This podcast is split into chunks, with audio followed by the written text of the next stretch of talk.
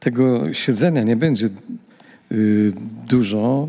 Za chwileczkę poproszę, żebyście y, powstali. Myślę, że taką fajną rzeczą, nie powiem tradycja, bo tradycja nie kojarzy, ma nieko, niekoniecznie ma pozytywne konotacje, y, ale kiedy czytamy słowo, to myślę, jest pewien element szacunku, kiedy wstajemy do, do czytania słowa. Stąd też poproszę, byście powstali, tak jak, zawsze ma to miejsce. Otwórzcie list Pawła do Filipian, rozdział trzeci. Czytam według tłumaczenia Biblii Warszawskiej, a więc numeracja jest y, tradycyjna, 1269 strona. Y, trzeci rozdział i chcę przeczytać pierwszych 11 wierszy. Paweł pisze tak. Ponadto, bracia moi, radujcie się w Panu. Pisać do Was jedno i to samo nie przykrzy mi się, dla Was zaś jest to zabezpieczeniem. Strzeżcie się psów, strzeżcie się złych pracowników, strzeżcie się przesady w obrzezywaniu. My bowiem jesteśmy obrzezani, my, którzy czcimy Boga w duchu i chlubimy się w Chrystusie Jezusie, a w ciele ufności nie pokładamy. Chociaż ja mógłbym pokładać ufność w ciele. Jeżeli ktoś inny sądzi, że może pokładać ufność w ciele, to tym bardziej ja. Obrzezany dnia ósmego z rodu izraelskiego, z pokolenia Beniaminowego, Hebrajczyk z Hebrajczyków, co do zakonu faryzeusz, co do żarliwości prześladowca Kościoła, co do sprawiedliwości opartej na zakonie człowiek bez nagany. Ale wszystko to, co mi było zyskiem, uznałem ze względu na Chrystusa za szkodę. Lecz więcej jeszcze, wszystko uznaję za szkodę wobec doniosłości, jaką ma poznanie Jezusa Chrystusa, Pana mego, dla którego poniosłem wszelkie szkody i wszystko uznaję za śmiecie, żeby zyskać Chrystusa i znaleźć się w nim, nie mając własnej sprawiedliwości opartej na zakonie, lecz tę, która się wywodzi z wiary w Chrystusa, sprawiedliwość z Boga na podstawie wiary, żeby poznać Go i doznać mocy zmartwychwstania Jego i uczestniczyć w cierpieniach Jego, stając się podobnym do Niego w Jego śmierci, aby tym sposobem dostąpić zmartwychwstania. Usiądźcie.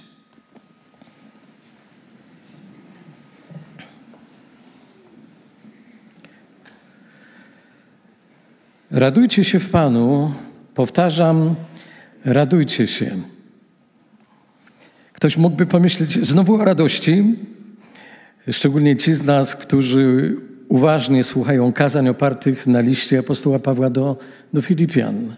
Ja wiem, nie zapomniałem, że o radości wspomniałem już w październiku przy omawianiu pierwszego rozdziału listu do Filipian, ale praktycznie ciężko byłoby ominąć temat radości, kiedy wylądowaliśmy na rozdziale trzecim.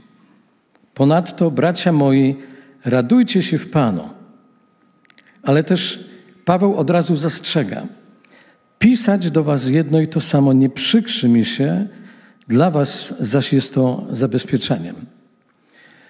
Według parafrazy Nowego Testamentu Słowa Życia werset ten brzmi następująco. Drodzy przyjaciele, radujcie się w Panu bez względu na okoliczności. Nie, duży, nie nuży mnie ciągłe przypominanie o tym, a dla Was nieustannie słuchanie tego jest pożądane. Natomiast najnowszy przekład dynamiczny y, tłumaczy to tak. Ciągłe powtarzanie tego samego nie jest dla mnie uciążliwe, a dla Was może a was może zabezpieczyć przed upadkiem. I praktycznie to samo powtarza w czwartym rozdziale. W wierszu czwartym radujcie się w Panu, zawsze powtarzam, radujcie się. Można byłoby tak y, zapytać bezceremonialnie, czy nie miał chłop innych tematów do podejmowania, że stale się powtarza? A może w przypadku Pawła mamy już do czynienia z pewnymi pierwszymi objawami choroby, choroby Alzheimera, bo stale mówi jedno i to samo. Ale kochani, Paweł na pewno miał o czym pisać. I po drugie, z pewnością nie był to początek choroby, a jednak wręcz z uporem godnym maniaka powtarza: radujcie się. Tak się zastanawiam, patrząc na wyrazy waszej twarzy, czy ma sens kontynuować temat radości. Jesteście strasznie dobici. Może to, że tu stoję przed wami, spowodowało, że już niekoniecznie macie powody do, do radości. Ale nawet mam świadomość, że życie ma to do siebie, że jeżeli koncentrujemy się na negatywnych rzeczach, a ich zawsze będzie dużo, to zapominamy o tym, co jest ważne i potrzebne. Więc jeżeli masz jakiś problem i to nie pozwala ci skupić i skoncentrować na Bożym przesłaniu, to pozwól, że poprowadzę cię w modlitwie. Panie, mam świadomość, że być może nie jeden z nas nie ma powodów do cieszenia się. Ale bez względu na to, jak duże to są problemy, Chcemy Cię prosić, abyś to wszystko zabrał. I żebyśmy mogli skoncentrować się na Twoim przesłaniu. Na tym, abyśmy uświadomili sobie, że bez względu na okoliczności możemy się cieszyć, kiedy uświadamiamy sobie, co dla nas zrobiłeś i kim dla nas jesteś. Panie, spraw, żebyśmy umieli wyrażać tą radość abyśmy umieli nią się cieszyć, byś Ty był uwielbiony, wywyższony. Amen. Kochani, Pawłowi pisanie o radości nie przykrzy się. Jeżeli Pawłowi nie przykrzy się pisanie o radości, to mnie również się nie przykrzy. A przynajmniej nie powinno przykrzyć mi się mówienie o radości. Mam nadzieję, że słuchanie na temat radości też nie będzie Wam się przykrzyć. Bo jeśli czegoś obecnie nam brakuje i wręcz permanentnie, to dwóch rzeczy: pokoju i radości. Współczesnemu człowiekowi brakuje dwóch rzeczy podstawowych: pokoju i radości. Jeżeli jestem w Bożym pokoju, to konsekwencją przebywania w tym Bożym pokoju jest radość bez względu na okoliczności. Zacznijmy zatem, zatem od przypomnienia sobie, czym jest radość. Jest to, jak podają specjaliści, jedna z najprzyjemniejszych emocji, którą powoduje wyzwalanie endorfin, tak zwanych hormonów szczęścia. Pod wpływem radości jesteśmy zadowoleni, czujemy się spełnieni, Czasem tak bardzo, że wydaje nam się, że unosimy się gdzieś nad ziemią i jesteśmy w stanie przenosić góry.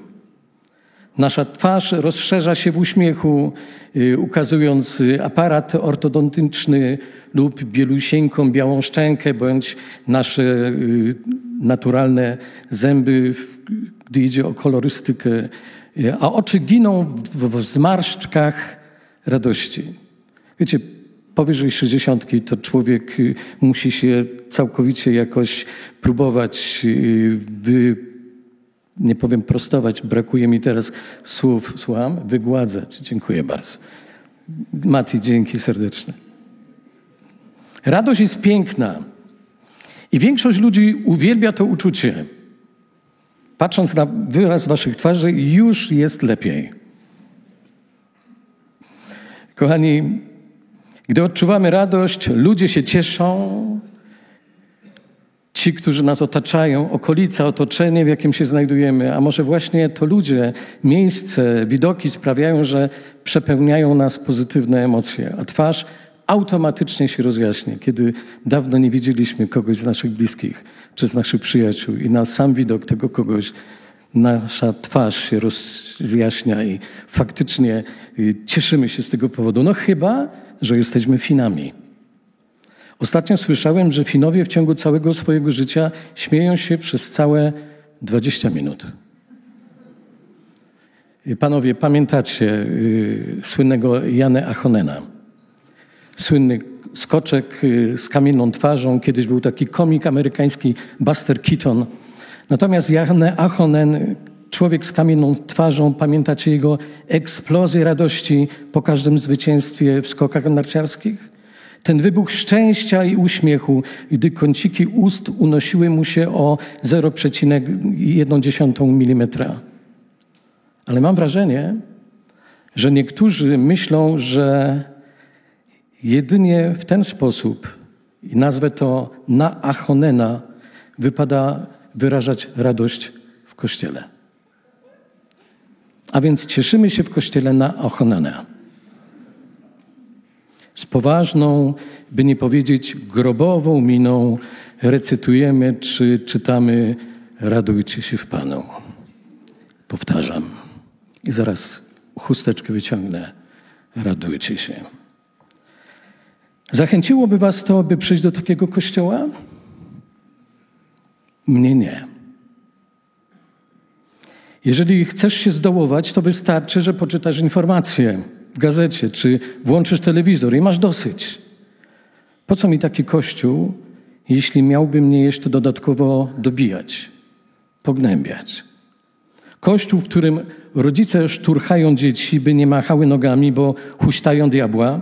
Przysięgam, tego sam nie wymyśliłem, ale tak w Wiśle było jeszcze wiele, wiele lat temu. Więc jeżeli w kościele dzieci huśtały nogami, to mówiły absolutnie huśtają diabła, a parsknięcie śmiechem jest poważnym grzechem, z którego należy się wyspowiadać i za który należy odpokutować. Jak wygląda taki pobożny człowiek?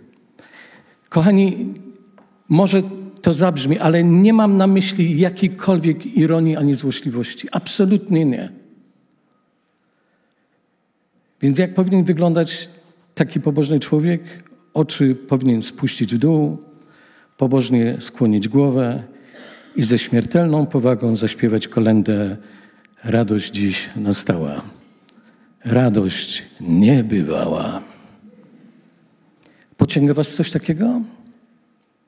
Czy apostoł Paweł pisze: Zachowujcie stosowną powagę w kościele? Smućcie się, gdy zbieracie się wspólnie? Broń Boże, nie śmiejcie się. Kochani, oczywiście właściwą rzeczą jest w umiejętny sposób umieć się zachować w kościele.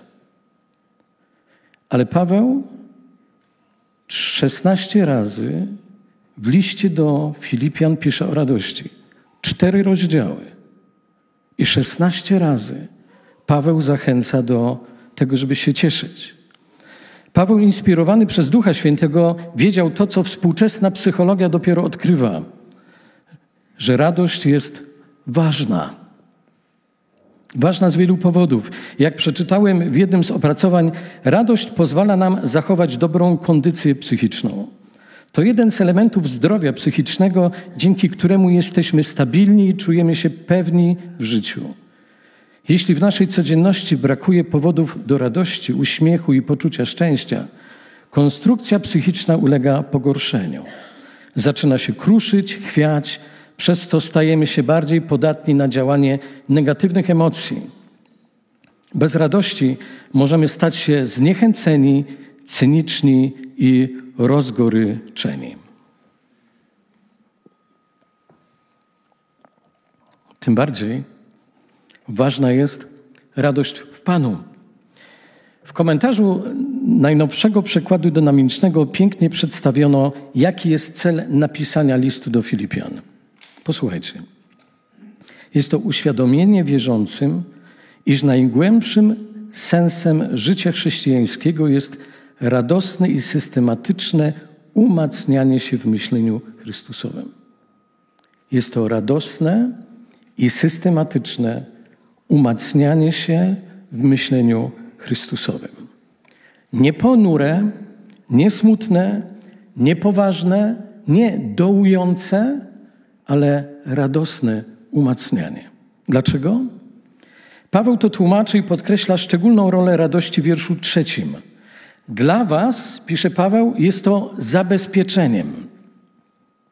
Według najnowszego przekładu może Was zabezpieczyć to przed upadkiem. Pisanie o radości może zabezpieczyć przed upadkiem? Dziwne, prawda? W jaki sposób? O co tu chodzi? I znowu przytoczę to najnowsze tłumaczenie. Mamy bardzo jasno i zrozumiałe to przedstawione. Wystrzegajcie się ludzi o powierzchnej religijności, a także fałszywych braci w wierze, którzy jak złe psy kręcą się wokół was, głosząc jedynie religijne praktyki odnoszące się do ciała. Takich unikajcie. Zatem, jeżeli ktoś zabrania ci radości lub odbiera ci radość z relacji z Bogiem, to unikaj takich ludzi. Przecież to jest nasz wybór, gdy chodzi o kwestię dobierania sobie przyjaciół. Jeżeli więc ktoś zabrania ci lub odbiera ci radość w relacji z Bogiem, unikaj takich ludzi. Jeśli ktoś pozbawia cię radości, to znak, że jego działanie jest niezgodne z Bożym poleceniem. Nie pozwól diabłu, by pozbawił cię radości. Nie pozwól sobie jej odebrać. Paweł pisze dalej. Pamiętajcie, pamiętajcie również, że dla Boga znaczenie ma wyłącznie obrzezanie serca, którego dostępujemy wówczas, gdy służymy Mu w Jego duchu, co oznacza otaczanie chwałą Jezusa Chrystusa. A ludzie propagujący ceremonie, obrzędy religijne, których tak naprawdę jedyną funkcją jest łudzenie grzesznej, ludzkiej, y, cielesnej natury, nie mają Bożego obrzezania. Kochani, dla nas sam obrządek obrzezania praktycznie nie ma żadnego znaczenia. Ale dla odbiorców listu, czyli do, dla Filipian, w tamtym czasie, w tamtej kulturze było czymś to bardzo oczywistym. Praktycznie wszyscy Żydzi w tamtym czasie byli obrzezani. Moglibyśmy powiedzieć, to był taki ich znak firmowy, takie logo, taka marka. A tu Paweł pisze, obrzezanie nie ma znaczenia. Co? Moglibyśmy zapytać. To brzmiało wręcz obrazoburczo, jak herezja, coś strasznego. Ale właśnie to pisze Paweł. Dla Boga znaczenie ma wyłącznie obrzezanie serca. To znaczy, liczy się moje i Twoje serce, moje i Twoje motywy, moja i Twoja miłość do Boga. Nie ceremoniał, nie obrzędy. Ważne jest to, co jest w Twojej duszy, w Twoim sercu, to, co Cię przepełnia. Jeśli nie ma w Tobie radości, która jest konsekwencją funkcjonowania Ducha Bożego w Twoim życiu, to zbłądzisz. To grozi Ci upadek. Lub jeśli ktoś zabija w, to, w Tobie radość płynącą z wiary w Pana Jezusa, to się go wystrzegaj. Bo wiara w Pana Jezusa napełnia radością i pokojem. Oczywiście także smutkiem, kiedy zgrzeszymy, ale Jezus przyszedł na ziemię po to, żeby dać nam zbawienie i żebyśmy mieli pewność tego zbawienia, by dać nam nowe przymierze, pojednanie z Bogiem. Czy to nie jest powód do, do radości? List do Filipian, pisany przez Pawła z więzienia, pokazuje, że możemy mieć radość w każdych, nawet najtrudniejszych okolicznościach. Bez względu na sytuację, na okoliczności mogę mieć radość. Jeżeli okoliczności mają wpływ na to, jak się czuję, to to jest bardzo niepewne. Bo okoliczności mają to do siebie, że się zmieniają. Natomiast jeżeli ma wpływ na to, że w moim życiu jest obecny Pan Jezus, to bez względu na okoliczności ja mogę się cieszyć. Bez względu na okoliczności. Kochani, przez ostatnie dwa lata, przez ostatnie dwa trudne dla nas lata, mogłem to odczuwać. bez, bez względu na okoliczności, w których się znajdowałem, mogłem odczuwać pokój i radość, których nie byłem w stanie sobie wyobrazić ani wytłumaczyć. Bo miałem świadomość, że za tym wszystkim jest obecny Pan Jezus. Nie moje samopoczucie, ale On. Masz też taką pewność,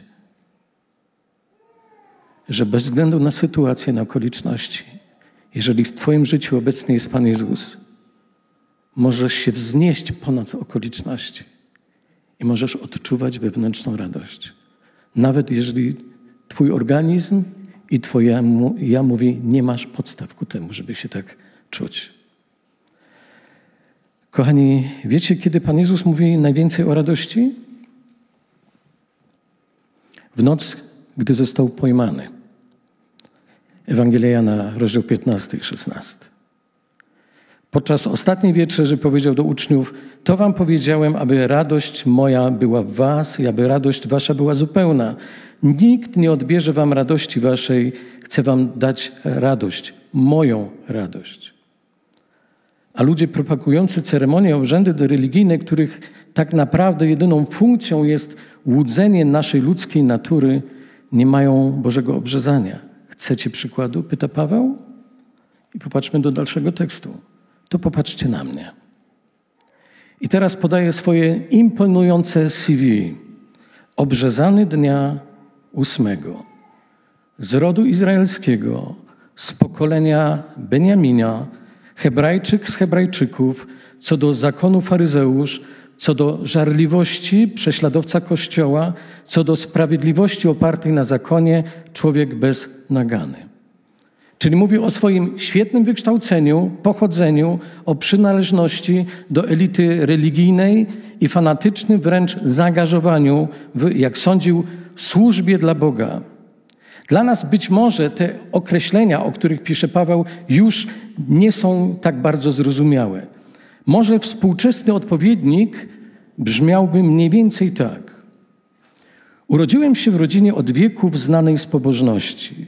Z krwi zacnego rodu mój pra, pra, pra, pradziadek walczył z sobieskim podwiedniem, chroniąc Europę przed niewiernymi.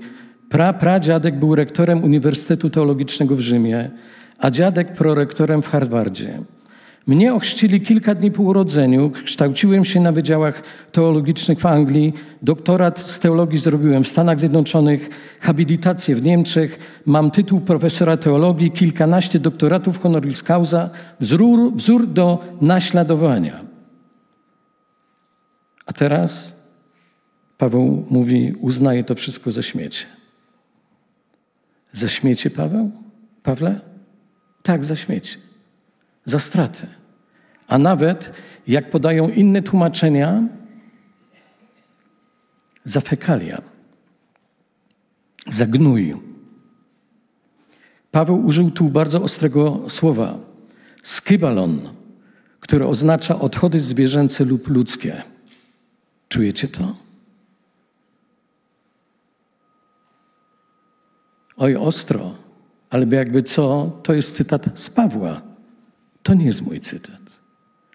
A tak właśnie Paweł o tym pisze, wiersz ósmy. Ale jednak to wszystko, co zdawało się dla mnie zyskiem z powodu Chrystusa, uznałem za stratę. O tak, w świetle doniosłości osobistego poznania Chrystusa, Jezusa mojego Pana, wszystkie te sprawy przestały dla mnie być, mieć jakiekolwiek znaczenie, a czas, który wcześniej poświęciłem obrzędowej religijności, okazał się zmarnowany.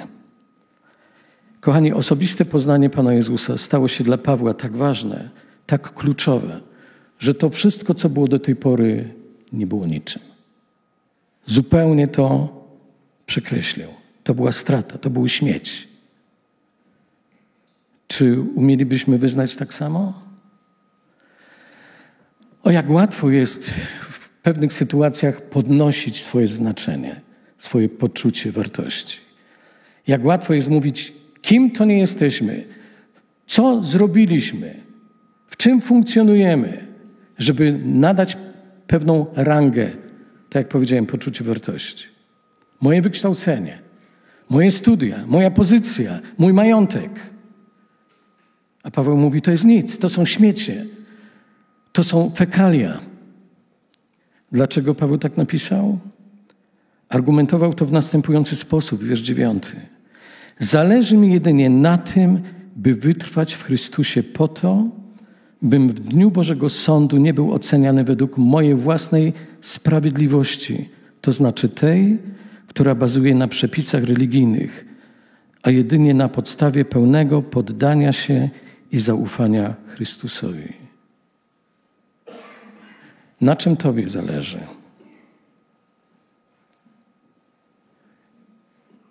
Kochani, kiedy staniemy przed Bożym Tronem,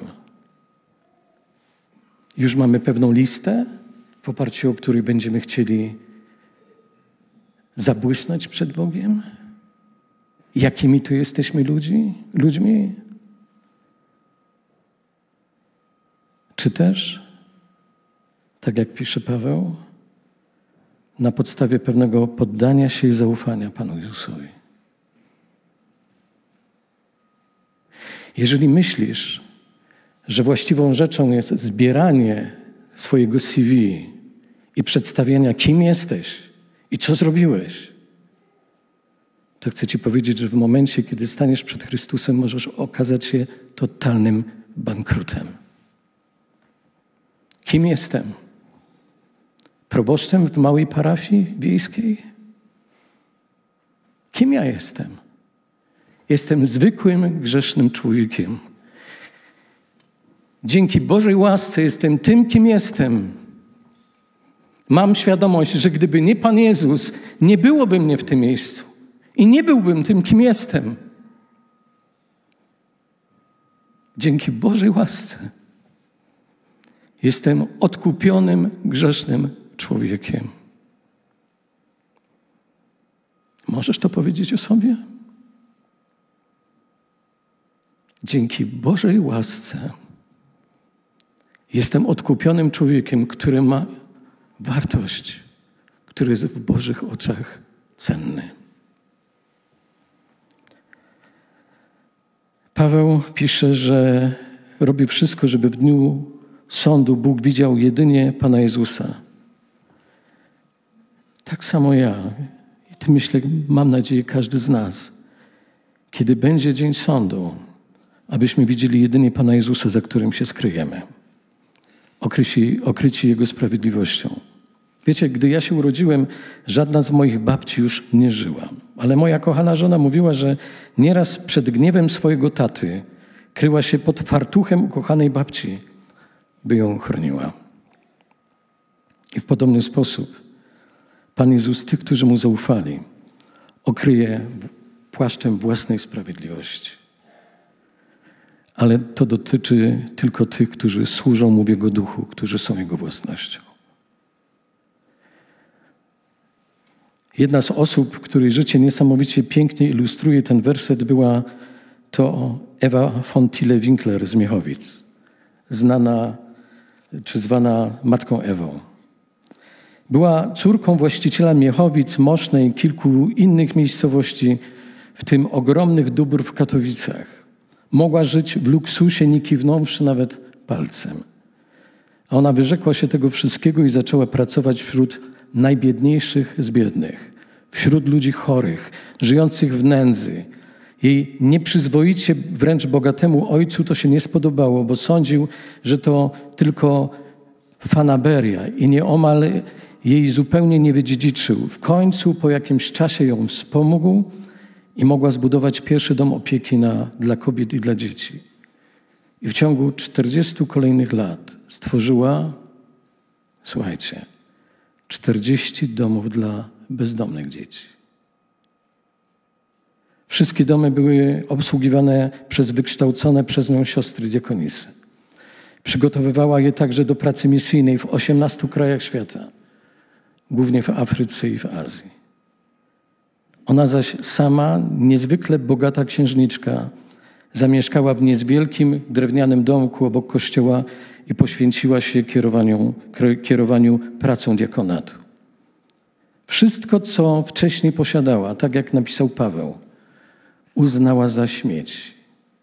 Miała tytuł szlachecki, von, ale ten tytuł zmieniła na tytuł matki, a cały majątek, jaki otrzymała w spadku, przeznaczyła dla ubogich. Wiecie, jaki napis widnieje na jej grobie w Miechowicach? Wielce zasłużona diakonisa Ewa von Tille-Winkler, a potem cała masa zasług? Nie.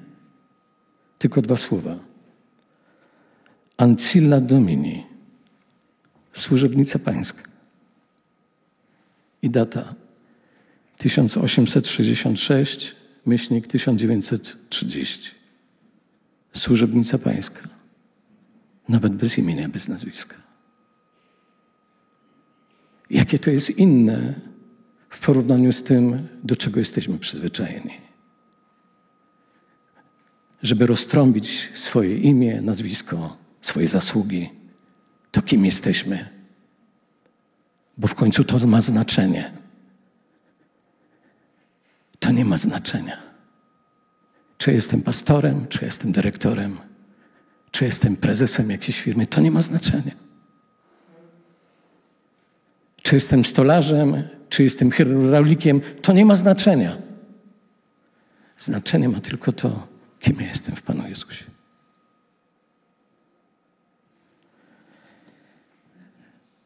Jak pisał Paweł, zależy mi jedynie na tym, w dniu Bożego Sądu nie był oceniany według swojej własnej sprawiedliwości, a jedynie na podstawie pełnego poddania się i zaufania Chrystusowi. Możesz to powtórzyć, powiedzieć? Zależy mi tylko na tym, abym w dniu Bożego Sądu przestał być oceniany według swojej własnej sprawiedliwości, której nie mam, a jedynie na podstawie pełnego poddania się i zaufania Chrystusowi. Poddałeś się już Panu Jezusowi? Złożyłeś w nim swoje zaufanie? Jeżeli nie, to powiedz mi, na co czekasz? Na co czekasz? Weszliśmy w nowy rok. Może to jest ostatni rok naszego funkcjonowania na Ziemi.